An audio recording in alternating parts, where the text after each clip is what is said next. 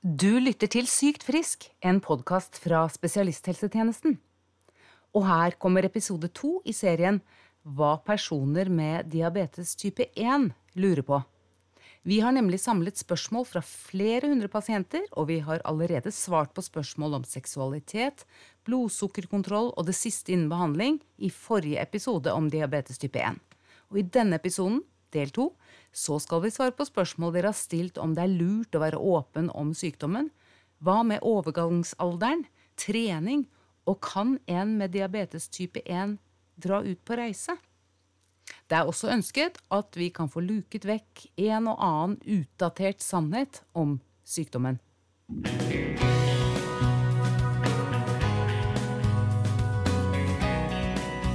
Ordet sukkersyke er ikke en voldsomt god beskrivelse for pasienter med type 1-diabetes i dag. Det begrepet, kan vi ikke rydde bort det en gang for alle? Og så holder vi oss til fakta. Diabetes rammer helt tilfeldig, det er ikke din egen skyld. Eh, det er en autoimmun sykdom. Da snakker vi om type 1-diabetes. Å være åpen om sykdommen. Hvis jeg merker at jeg er mer interessert, så går jeg jo i dybden, for jeg syns det er veldig gøy å snakke om det til andre. Reise. Ja, du kan reise. Overgangsalder. Så slår dette meg ned i støvlene, dette med blodsukkeret. Og var det blodsukkeret, eller var det overgangsalderen?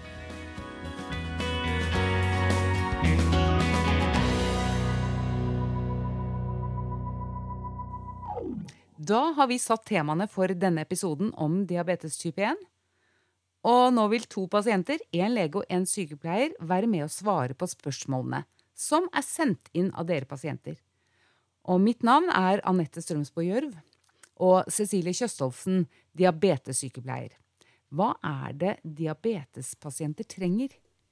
De trenger å forstå at de trenger insulin til karbohydratene de spiser, i tillegg til vanlig insulin som skal være der hele tida.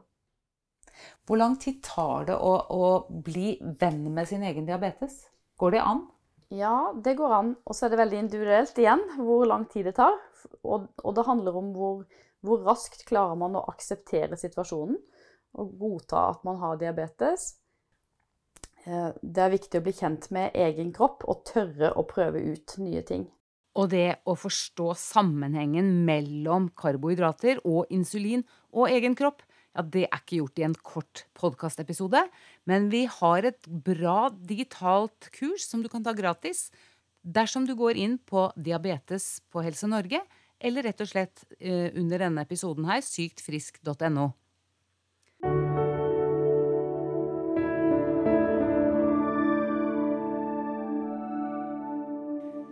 Da Inger Kristine fikk diabetes type 1, var hun godt oppe i 50-årene, og hun prøvde seg fram og prøvde å finne ut hva som var hva. Diabetes type 1 eller overgangsalderen. Det var såpass vanskelig at jeg, jeg valgte i jobbsammenheng å legge blodsukkeret mitt veldig høyt. For jeg satt i mange mange viktige møter i løpet av en dag. Og det som skjedde, var jo at jeg mistet konsentrasjonen.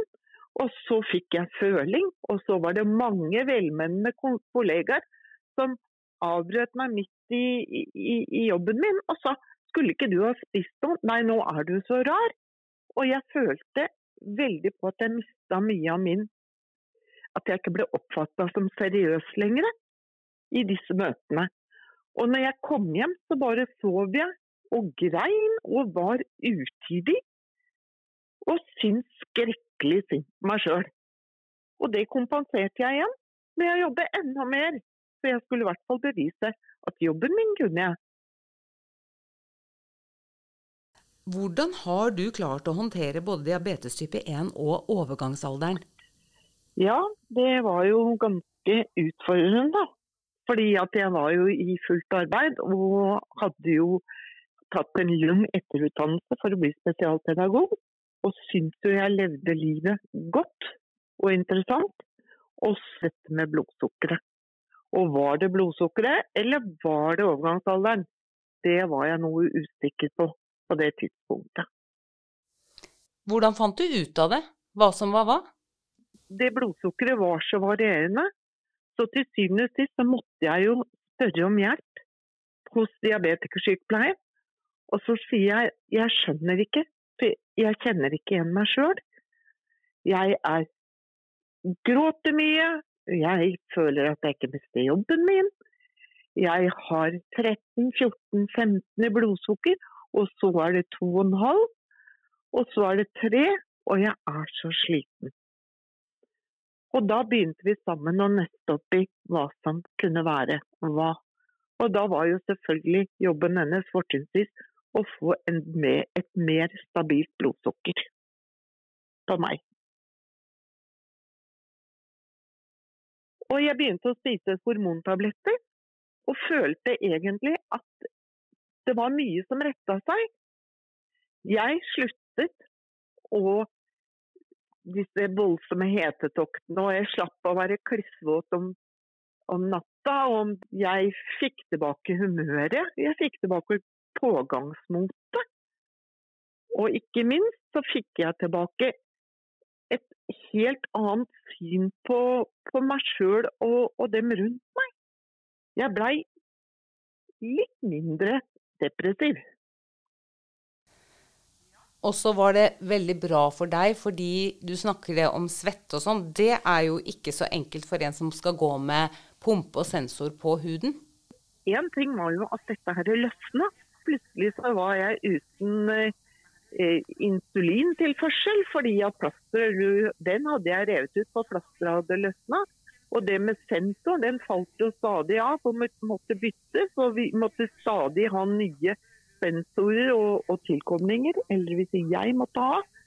Og det ble også borte. For så lenge ikke huden var så mye våt og svett, ja, så holdt plasteret seg på plass der hvor det skulle, og, og, ting satt som det skulle. Og kroppen roa ned den Ja, det blir jo et slags eh, Hva heter det for noe? Allergi? Allergisk reaksjon på plasteret? Fordi det er så ja. fuktig under det? Mm -hmm. mm. For hele kroppen har jo disse svettekjertlene, og våt var det jo. Og jeg har jo også lest ettertid at det er mange som sliter med det samme som meg. Så, så jeg er dem evig takknemlig. Og når vi da var kommet så langt, så var det jo mye enklere å begynne å få orden på blodsukkeret. Cecilie, kjenner du igjen det Inge forteller her? Ja. Hvis man opplever øh, vanskeligheter med blodsukkerregulering eller nattesvette som gjør at det, sensorer og insulinpumper ikke henger fast, så kan, være, så kan det være, lurt å snakke med fastlegen om øh, hormonbehandling. Det er jo mange som opplever overgangsalderen som vanskelig, både de med og uten diabetes. Men har man diabetes type 1, så får man jo absolutt ekstra utfordringer i forbindelse med overgangsalder. Eh, det kan være veldig ulikt, men noen opplever jo store blodsukkersvingninger. Og det kan være påvirka av hormonendringene i kroppen, som gjør noe med insulinets virksomhet. Og det kan òg være påvirka av vektøkning, som mange opplever i overgangsalderen. Når vekta går opp, så vil man jo trenge mer insulin. Så vil det ikke være lett bestandig å skille hva som er overgangsalder og hva som er diabetes. Men det er ingen tvil om at dette påvirker hverandre, og at det kan være vanskeligere å regulere blodsukkeret sitt under overgangsalderen.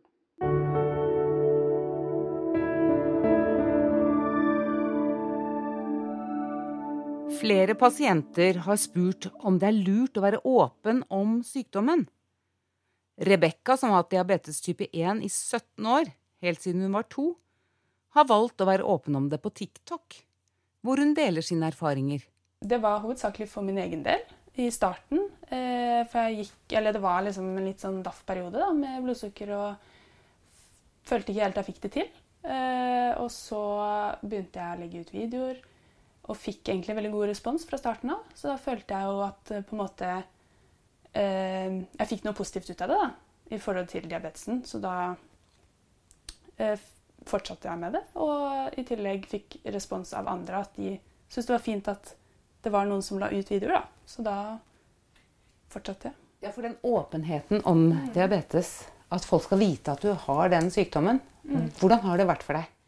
Eh, det har egentlig gått veldig fint. For jeg har aldri vært noe særlig flau eller skamma meg eller noe over diabetesen. Så det har vært uh, veldig fint. Uh, føltes egentlig veldig naturlig. Og jeg vet jo at det er veldig mange som ikke tenker på den måten. Og da er det jo fint å vise at man kan være åpen om det, og at det går fint. Så hva har åpenheten gjort for deg? Jeg har jo bl.a. kommet i kontakt med veldig mange andre som eh, kjenner på de samme tinga. Og det er jo også fint for meg, fordi at man kan jo føle seg alene. Og da, selv om man eh, er åpen om det, så kan det jo fortsatt være negativt. Og da er det jo fint å vite at det er andre i samme situasjon. Så det ja. Jeg lærer ting om sykdommen min hele tida. Spesielt etter at jeg begynte å legge ut på TikTok, for da uh, har jeg lært av andres erfaringer om ting som jeg har tatt med meg og brukt. Så det har vært uh, lærerikt for meg også å være i kontakt med andre. Du blir jo veldig oppmerksom på sykdommen din nå når du skal snakke om den på TikTok. Mm. Og ofte så tenker vi at å, orker vi å tenke på den sykdommen hele tiden? Ja. Den balansen der, hvordan er den i livet nå?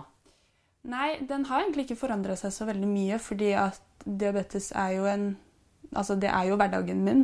Eh, eller det er en del av hverdagen min.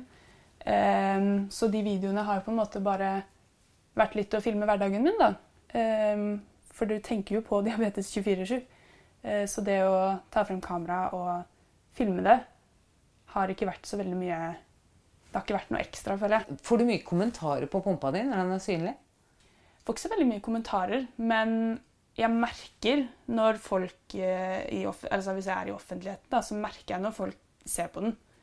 Eh, så jeg kan veldig fort legge merke til blikket eller liksom Kanskje hvis det er noen jeg prater med, da, som jeg nylig har blitt kjent med, eller noe sånt, så hva er det du egentlig har der? Hva sier du da? Jeg forklarer veldig Ikke noe sånn dypt inn i det, men bare at jeg har diabetes, og den her gir meg insulin. Mm. Og det er min medisin, da. Veldig sånn kort og enkelt.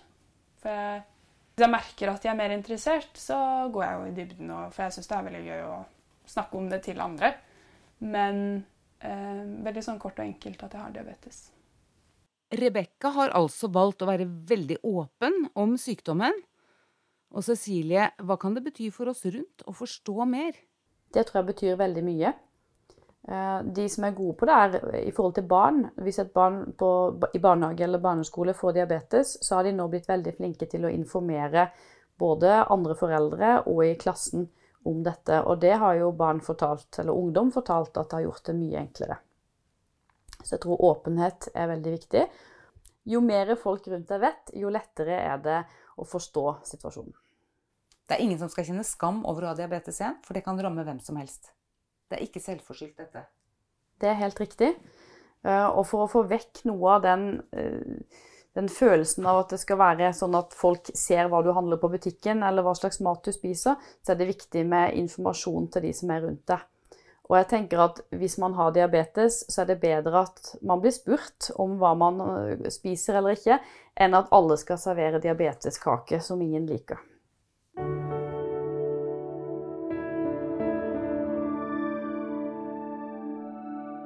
Ja, diabeteskake som ingen liker. Det var vel egentlig en fin overgang til å snakke litt om utdatert kunnskap og ordbruk om sykdommen som pasienter med diabetes type 1 har sagt til oss at de skulle ønske vi kunne sette en strek over.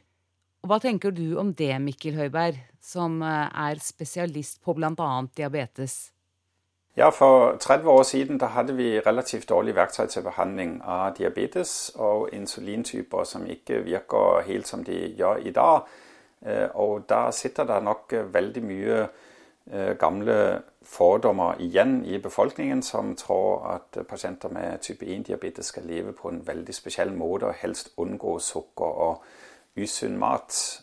Eh, men realiteten i dag er at pasienter med type 1-diabetes de kan leve akkurat som alle andre. De må bare ta høyde for hva de spiser når de setter insulin. Og gjør de dette på rett måte, så er det eh, relativt lett for pasienter med type 1-diabetes å leve på akkurat samme måte som alle andre i normalbefolkningen.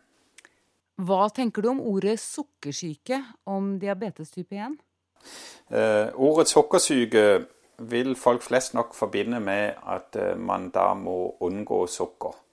Eh, og da blir man fort stigmatisert som pasient med type 1-diabetes i butikken når man står med sine innkjøp. Eh, I og med at pasienter med type 1-diabetes i dag kan leve på akkurat samme måte som alle andre i samfunnet, så er det ingen grunn til å bli stigmatisert for det man nå putter i innkjøpskøven sin. Får du diabetes av å spise sukker? Den hører jeg eh, mye som er irriterende, for det har jo ikke noe med saken å gjøre, egentlig.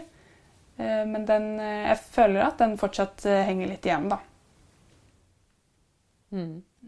Hvordan kan vi bli kvitt en sånn oppfatning? Prate mer om det, lære kanskje litt mer i skolen f.eks. Det er jo veldig mange barn og unge som har diabetes. En ting som er veldig irriterende når det kommer til mangel på, om kunnskap da, om sykdommer, er når folk slenger ut 'Å, nå får jeg diabetes av å spise det her.' Eller det her er jo 'Nå får jeg diabetes. Her er det veldig mye sukker'. Det er veldig mange som bruker det i sosiale medier.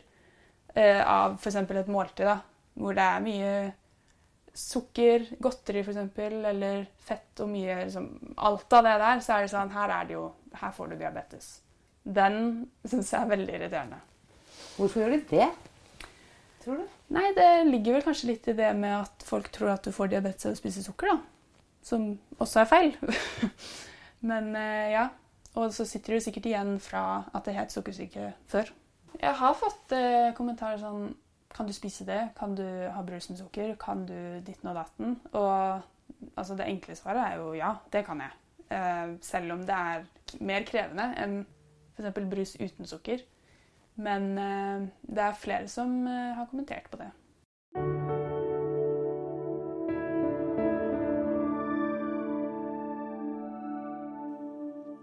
Folk spør oss jeg skal ut og reise.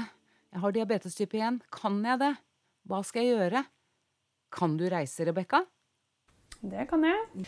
Eh, Det er absolutt ikke noe problem for meg å reise, ut og fly eller hva det enn skulle være. Eh, Jeg har reist en del, eh, og det følger jo med noen problemer, selvfølgelig. Men det er absolutt fullt mulig å gjennomføre. Hva må du ta av forhåndsregler?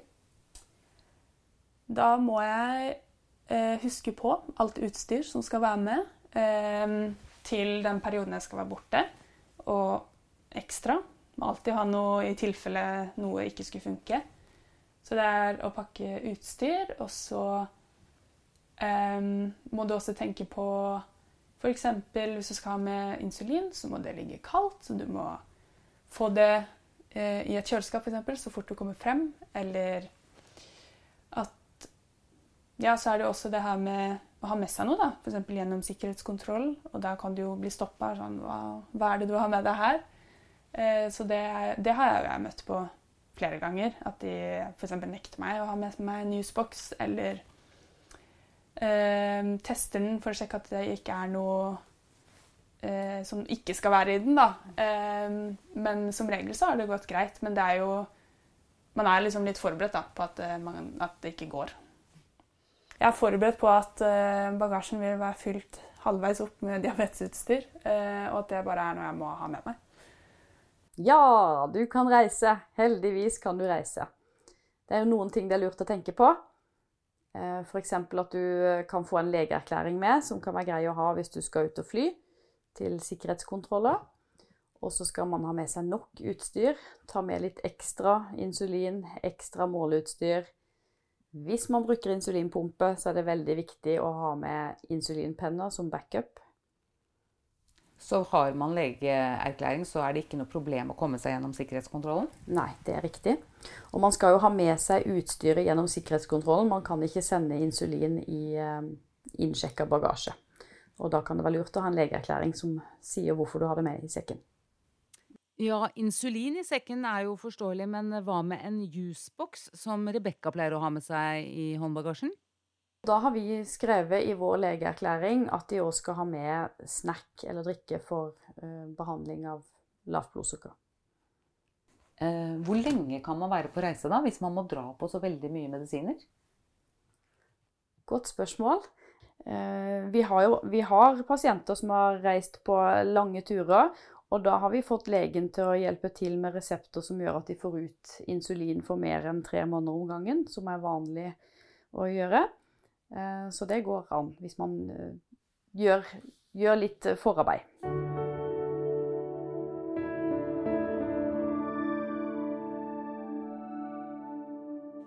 Vi tar med oss et siste spørsmål fra pasientene. Hvordan skal jeg kunne trene med diabetes type 1? Eh, det er veldig mange som ønsker en, en oppskrift i forhold til eh, eh, både trening og andre ting. Og igjen så finnes det jo ingen enkel oppskrift fordi vi alle er så forskjellige. Både vi uten diabetes og de med diabetes. Så det viktige er å bli kjent med sin egen kropp. I forhold til trening og diabetes så finnes det jo noen råd man kan prøve ut. Og det er da i forhold til hvordan blodsukkeret bør være før man trener hvor mye karbohydrater man bør innta, enten i forkant eller underveis i treninga. Det kan de få hjelp til på eh, konsultasjon hos oss. Hvis jeg skulle finne det ut akkurat nå, en trygg nettside, hvor skulle jeg finne ut om hva jeg bør tenke på som skal trene, og jeg har diabetes type 1? Det finnes veldig mye god informasjon på Diabetesforbundet sine nettsider.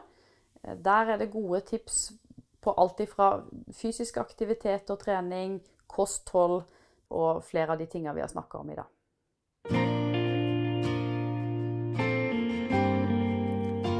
Da er det klart for en oppsummering av denne episoden. Og det er sånn at dessverre ikke er lett å svare likt og enkelt til alle pasienter med diabetes type 1. Du må rett og slett bli kjent med egen kropp og tørre å prøve og feile. Vi hørte at under overgangsalderen så kan blodsukkerregulering bli ekstra krevende. Ofte så er det ikke så lett å finne ut hva som er hva, sykdommen eller overgangsalderen. Men det kan være hjelp å få med tanke på behandling av overgangsalderen. Slik du hørte Inge Kristine fikk. Så oppfordringen er igjen ta kontakt med behandleren din. Og Rebekka har god erfaring med å være åpen om sykdommen, det har gjort at hun har kommet i kontakt med andre som hun har delt erfaringer med, og det har gitt henne ny kunnskap. Og har du diabetes type 1, så går det fint an å dra på reise. Ja, til og med i mange måneder. Men du må planlegge godt. Rebekka har alltid med en ekstra koffert til det hun trenger på turen for å behandle sin diabetes. Og lenke til gode reisetips det legger vi i artikkelen knyttet til denne episoden på syktfrisk.no. Og så en oppfordring til slutt. La oss alltid søke fakta, og la oss slutte å si sukkersyke. Det er gått ut på dato. Eller mistenkeliggjøre de som har diabetes type 1, at de har skyld i sykdommen, for diabetes type 1 kan ramme hvem som helst. Og de med diabetes kan spise akkurat det samme som alle andre.